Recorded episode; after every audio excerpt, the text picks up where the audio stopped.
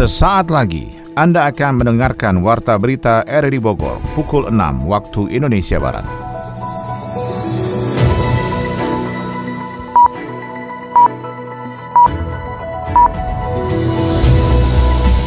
Selamat pagi dan salam jumpa. Kembali kami hadir dalam Warta Berita edisi hari ini, Jumat 21 Januari 2022.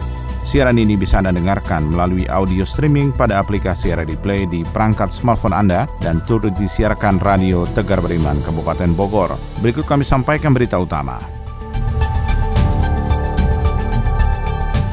Kasus konfirmasi Omikron di Indonesia mencapai 882 kasus didominasi perjalanan dua negeri asal Arab Saudi. Anggota DPR RI Arteria Dahlan meminta maaf kepada masyarakat Jawa Barat terkait pernyataannya soal bahasa Sunda. Nasabah Koperasi Sejahtera Bersama KSB menuntut pengembalian dana simpanan. Nah kita semua ini mengadakan aksi damai itu ingin ketemu dengan pengurus karena selama ini tuh kita nggak pernah bisa ketemu dengan pengurus gitu loh. Sedangkan kejadian ini tuh sudah hampir dua tahun lebih. Saya Maulana Isnarno, inilah Warta Berita selengkapnya.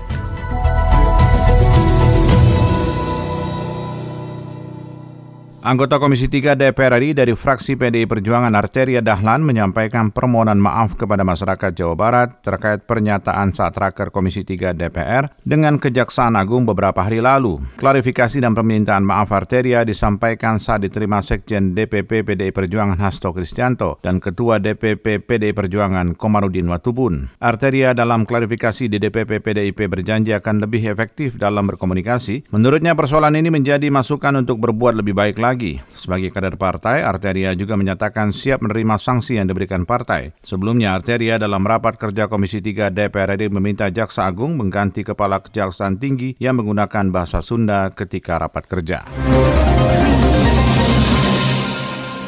Presiden Jokowi memastikan tahun 2022 akan menjadi momentum pemulihan ekonomi meski masih ada berbagai masalah dan ancaman COVID-19. Laporan disampaikan Pradip Tarahadi. Bapak Ibu hadirin yang kami Pandemi COVID-19 telah membuat banyak negara termasuk Indonesia dalam posisi ketidakpastian. Banyak negara di berbagai belahan dunia berlomba-lomba untuk mulai memulihkan perekonomian mereka. Presiden Joko Widodo memastikan tahun 2022 akan menjadi momentum pemulihan ekonomi meski masih ada berbagai masalah dan ancaman yang harus diwaspadai, salah satunya COVID-19 varian Omikron. Hal ini disampaikan Kepala Negara dalam acara pertemuan tahunan industri jasa keuangan 2022 secara virtual dari Istana Kepresidenan Bogor, Jawa Barat. Tahun 2022 akan menjadi momentum. Ini akan menjadi momentum.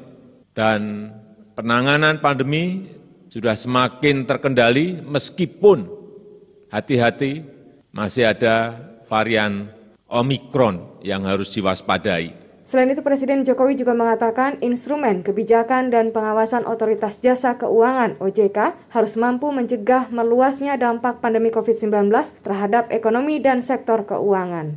Diperlukan strategi penanganan yang lebih spesifik. Ini harus detail dan efektif serta penuh kehati-hatian agar tidak mengganggu upaya-upaya pemulihan yang sedang kita lakukan. Karena itu kebijakan dan instrumen pengawasan yang dikeluarkan OJK harus mampu mencegah meluasnya dampak pandemi COVID-19, khususnya terhadap perekonomian dan sektor keuangan, serta dapat membantu sektor informal dan UMKM agar mampu bertahan Adapun Ketua Dewan Komisioner Otoritas Jasa Keuangan OJK Wimbo Samtoso mengatakan stabilitas sektor keuangan masih dapat terjaga hingga akhir tahun 2021.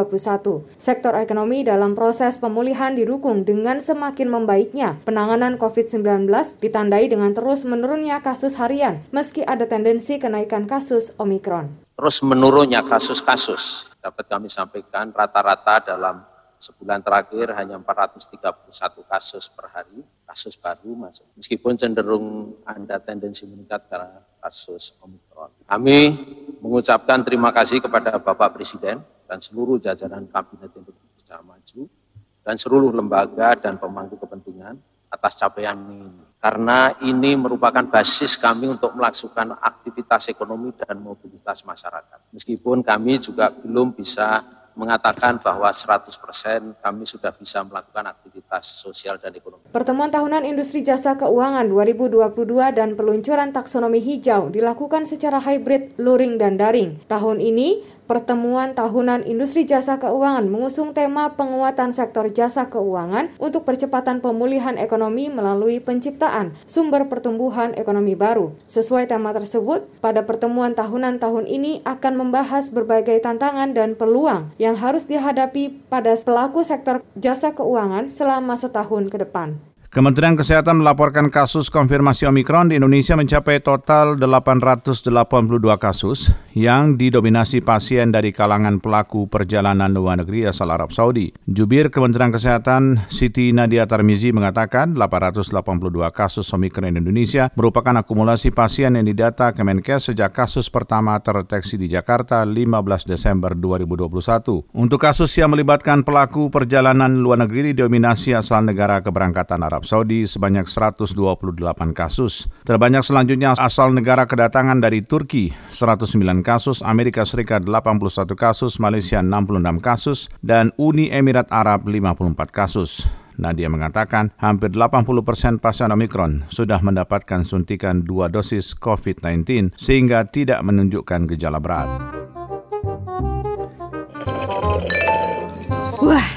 Ada gosip baru nih. Boleh juga nih kalau disebarin.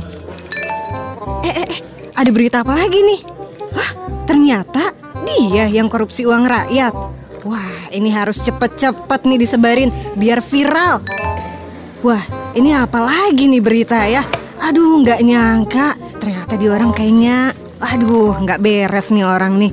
Tapi semua orang harus tahu nih berita ini. Eh, stop, stop, stop, stop. Jangan asal menyebarkan berita gitu. Pastikan kebenaran dari berita yang mau disebar itu. Salah-salah nanti malah terjerat Undang-Undang ITE pasal 28. Ih, lagian kan ini beritanya juga udah banyak nyebar kali. Tetap aja, yang nyebarin bisa kena pasal 28 Undang-Undang ITE. Ih, masa? Bahaya, Cak. Iya, iya deh. Nggak akan disebarin lagi. Takut masuk penjara ah. Ayo, jadi pengguna sosial media yang cerdas. Kita lawan berita hoax. Mari kita wujudkan Indonesia yang cerdas. Kabupaten Bogor mengalami kenaikan kasus COVID-19. Selengkapnya dilaporkan Adi Fajar Nugraha. Kasus COVID-19 di Kabupaten Bogor mengalami lonjakan yang cukup signifikan di tengah lonjakan varian Omikron di Indonesia. Per selasa lalu, Satgas COVID-19 Kabupaten Bogor mencatatkan peningkatan kasus tertinggi terjadi mencapai 42 warga yang terpapar COVID-19. Bupati Bogor Ade Yasin masih akan memastikan apakah warganya yang terpapar COVID-19 varian Omikron atau bukan. Namun menurut Bupati, ke-42 warganya itu kebanyakan terkonfirmasi positif saat diperiksa di luar Bogor. Berdasarkan data lonjakan tersebut, tersebut, pihaknya telah membahasnya bersama Satgas COVID-19 untuk penanganan lebih lanjut. Memang ada cukup lonjakan ya orang Bogor yang diperiksa di luar Bogor beberapa rangkaian kesehatan itu hari ini kita ada 42 yang terinfeksi. Nah itu apakah Omikron atau bukan ini masih dalam penelitian tapi yang tercatat lapangan ini sudah hari ini sudah terjadi lonjakan yang terinfeksi COVID.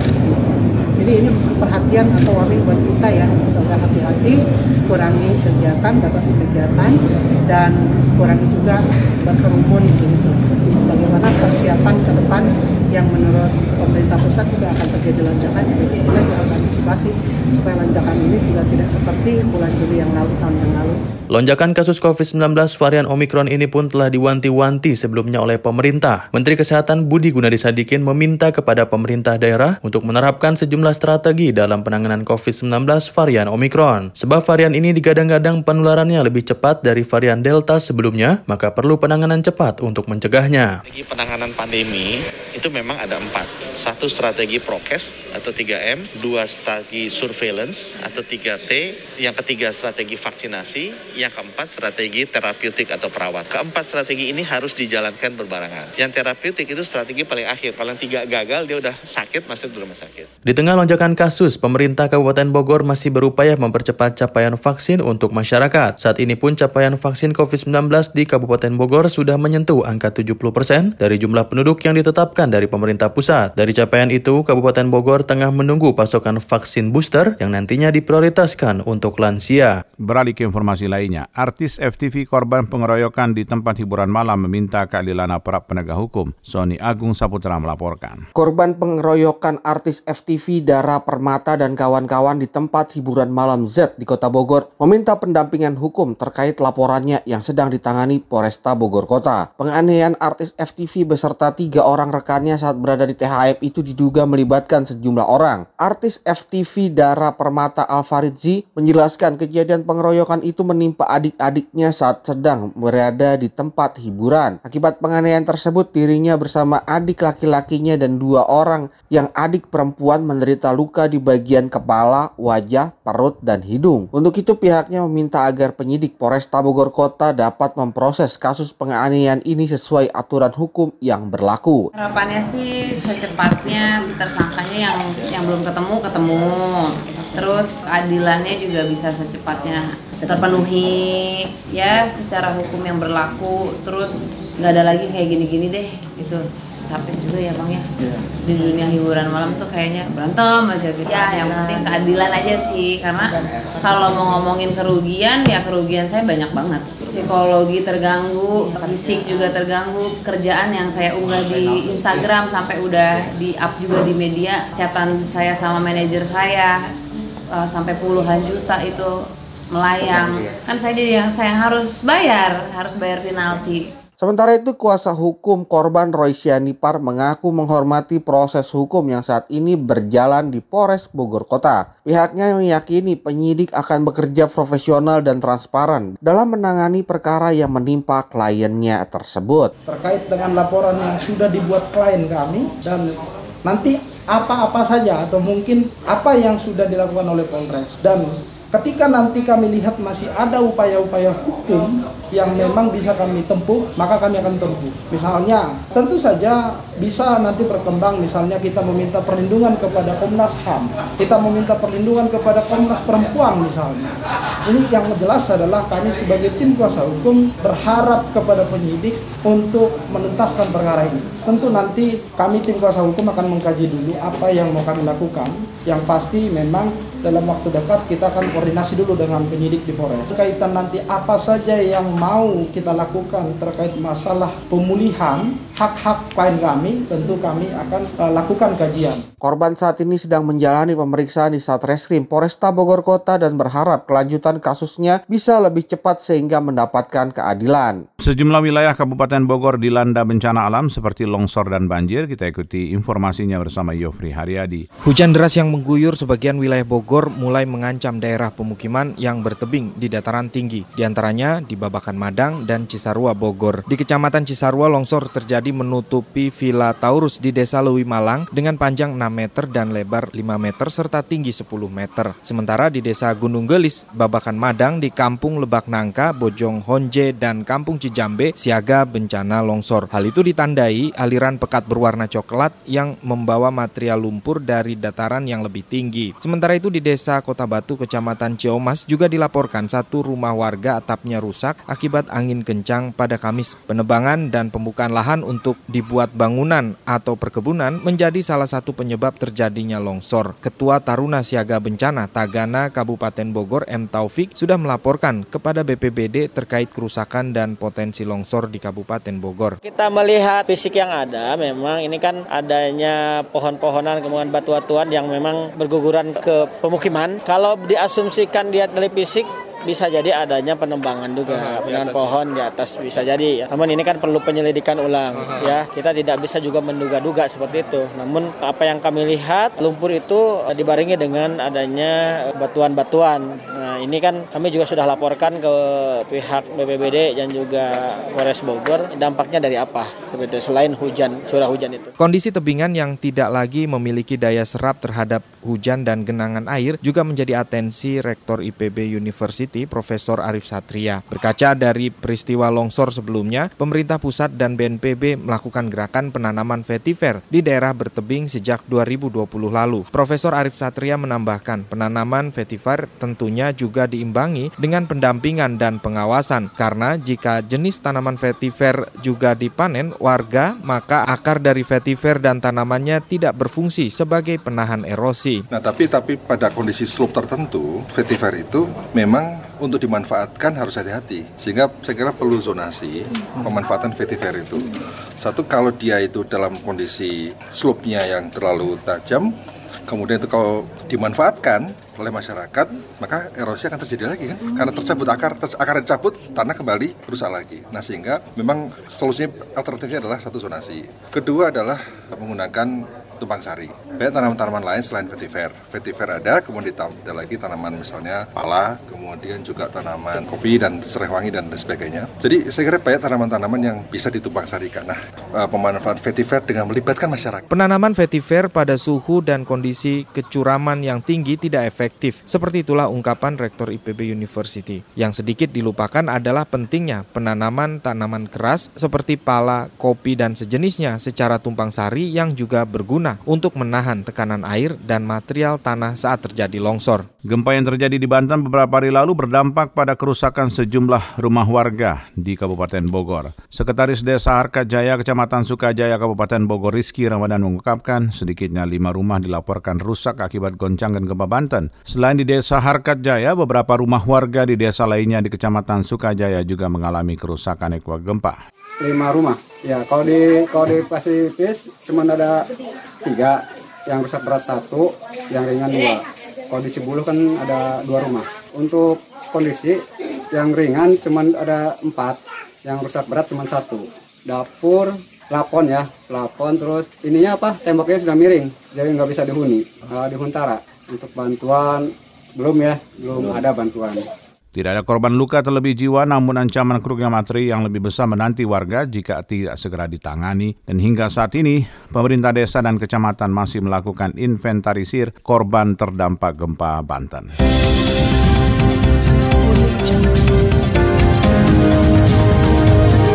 Anda tengah mendengarkan Warta Berita RRI Bogor. Nasabah Koperasi Sejahtera bersama KSB menuntut pengembalian dana simpanan. Laporan Sony Agung Saputra. Puluhan nasabah dari Koperasi KSB yang berada di Jalan Pajajaran Kota Bogor melakukan aksi unjuk rasa menuntut pengembalian dana nasabah. Selama ini nasabah dari berbagai daerah di Indonesia sudah menanamkan uangnya di koperasi tersebut untuk bisa mendapatkan simpanan dengan jaminan investasi menguntungkan. Namun nasabah tersebut kecewa karena keuntungan yang seharusnya diraih ternyata tidak kunjung datang malah dana tersebut terancam tidak kembali. Untuk itu puluhan nasabah mendatangi kantor koperasi tersebut guna meminta penjelasan nasib dana simpanan yang sudah mereka simpan yang mencapai nilainya miliaran rupiah. Seorang nasabah KSB Irma yang berasal dari Jawa Tengah mengungkapkan dana simpanannya terancam tidak bisa ditarik dengan berbagai alasan. Pihaknya meminta agar manajemen koperasi melakukan pengembalian dana nasabah dengan menjual aset yang dimilikinya. Kejadian ini kita kan sengaja dari Jawa, hmm. dari Tegal itu untuk menuntut duit kita biar balik. Ya. Nah kita semua ini mengadakan aksi damai itu ingin ketemu dengan pengurus karena selama ini tuh kita nggak pernah bisa ketemu dengan pengurus gitu loh. Sedangkan kejadian ini tuh sudah hampir dua tahun lebih. Kita hanya diberi janji-janji-janji terus seperti oh. itu kalau saya tersampaikan sih saya alhamdulillah karena skema perjanjian dari ini kan ada homologasi ya.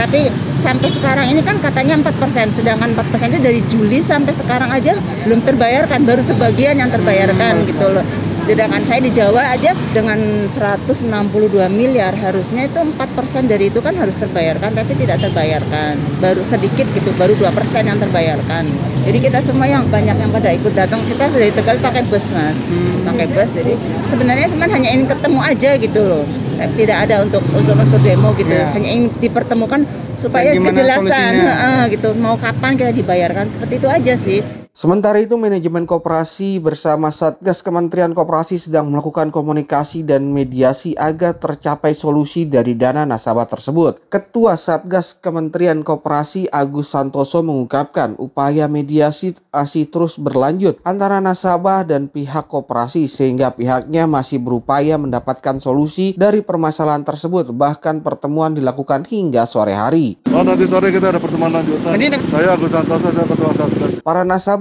dihimbau untuk dapat bersabar menunggu hasil mediasi antara Satgas dan manajemen koperasi sehingga tetap terjaga kondusivitas saat melakukan aksi unjuk rasa.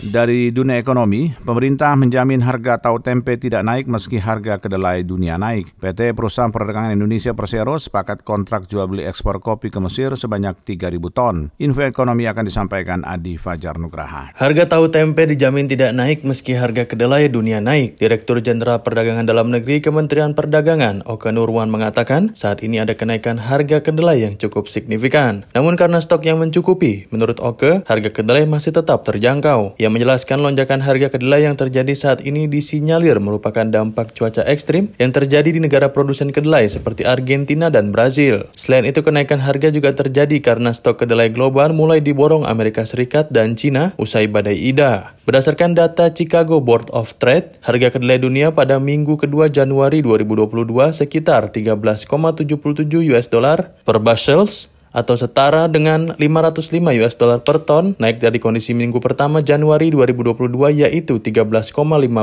US dollar per bushels atau setara 483 US dollar per ton. Sehingga landed price diperkirakan berada di kisaran 8.500 rupiah per kilogram dan harga di tingkat importir diperkirakan mencapai 9.300 rupiah per kilogram. Sementara itu menurut informasi Asosiasi Kedelai Indonesia, stok kedelai di tingkat importir anggota Akindo saat ini sekitar 400 ribu ton. PT Perusahaan Perdagangan Indonesia Persero telah sepakat menjalankan kontrak jual beli ekspor kopi ke Mesir sebanyak 3.000 ton. Adapun kopi tersebut akan diekspor secara bertahap selama periode Januari sampai dengan Desember 2022.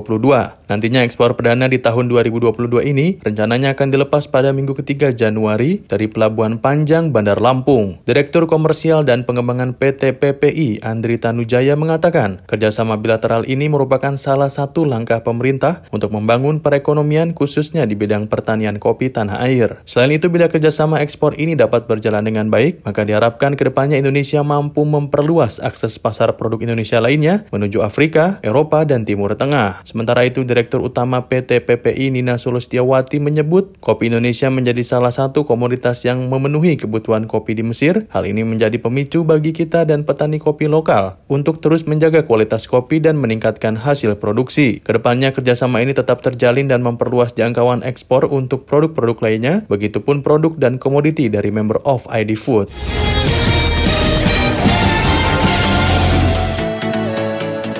Dari dunia olahraga, pelatih Ansen Grainers memaksimalkan potensi Asnawi Mangkualam sebagai penyerang pada musim 2022. MU menang 3-1 atas klub promosi Bradford. Info selengkapnya akan disampaikan Chris Wanto. Pelatih Ansan Greeners, Joe Min Cook, mengungkapkan alasannya ingin menjadikan Asnawi Mangku Alam sebagai penyerang. Asnawi Mangku Alam baru saja menandatangani perpanjangan kontrak bersama Ansan Greeners yang berlaku hingga dua tahun ke depan. Klub Korea itu juga menyertakan opsi transfer untuk level yang lebih tinggi dalam kontrak anyar Asnawi tersebut. Opsi itu kemungkinan berlaku ketika Asnawi mendapat tawaran lebih bagus di masa mendatang, maka Ansan Greeners bisa melepasnya dengan sejumlah biaya transfer. Adapun setelah mendapatkan kontrak baru, wakil kapten timnas Indonesia itu kembali ke Korea Selatan. Asnawi Mangku Alam tiba di kota Ansan pada Senin 17 Januari lalu, kemudian ia harus menjalani karantina sebelum bisa bergabung dengan tim Ansan Greeners untuk menghadapi kompetisi musim 2022. Pelatih Ansan Greeners, Joe Min Cook, mengungkapkan rencananya untuk memaksimalkan potensi Asnawi sebagai penyerang pada musim 2022. Menurut Joe Min Cook, dalam wawancaranya melalui saluran YouTube media Korea Selatan Sport G, bermain sebagai penyerang akan membuat Asnawi Mangko Alam mendapatkan hasil lebih baik dan dirinya berjanji tidak akan memainkan Asnawi pada posisi defense. Manchester United menang 3-1 kala bertamu ke markas klub promosi Brentford pada laga tunda pekan ke-17 Premier League kasta tertinggi Liga Inggris musim 2021-2022. Laga Brentford versus Manchester United itu berlangsung di Stadion Brentford Community pada Kamis dini hari waktu Indonesia Barat. Gol-gol kemenangan Man United dicetak oleh Anthony Elanga pada menit ke-55, kemudian Mason Greenwood pada menit ke-62 dan Marcus Rashford pada menit ke-77. Sementara itu, satu gol untuk tuan rumah Brentford dibukukan oleh sang striker Ivan Tuni pada menit ke-85. Kemenangan Manchester United kali ini diwarnai oleh aksi banting jaket yang dilakukan oleh Cristiano Ronaldo.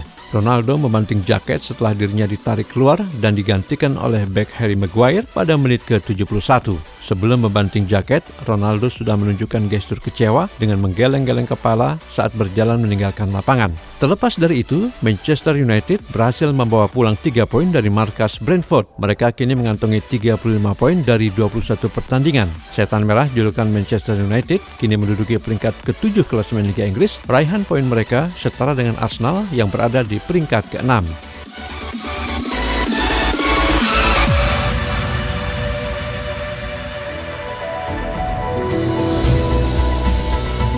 Demikian rangkaian informasi yang kami hadirkan dalam Warta Berita di edisi hari ini. Sebelum berpisah, kami kembali sampaikan berita utama.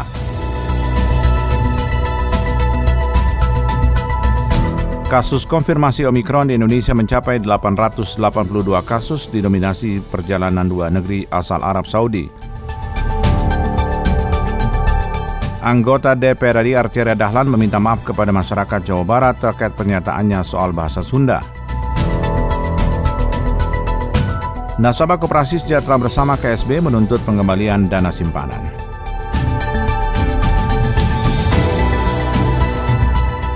Mewakili kerabat kerja bertugas, saya Maulana Estarto mengucapkan terima kasih. Selamat pagi.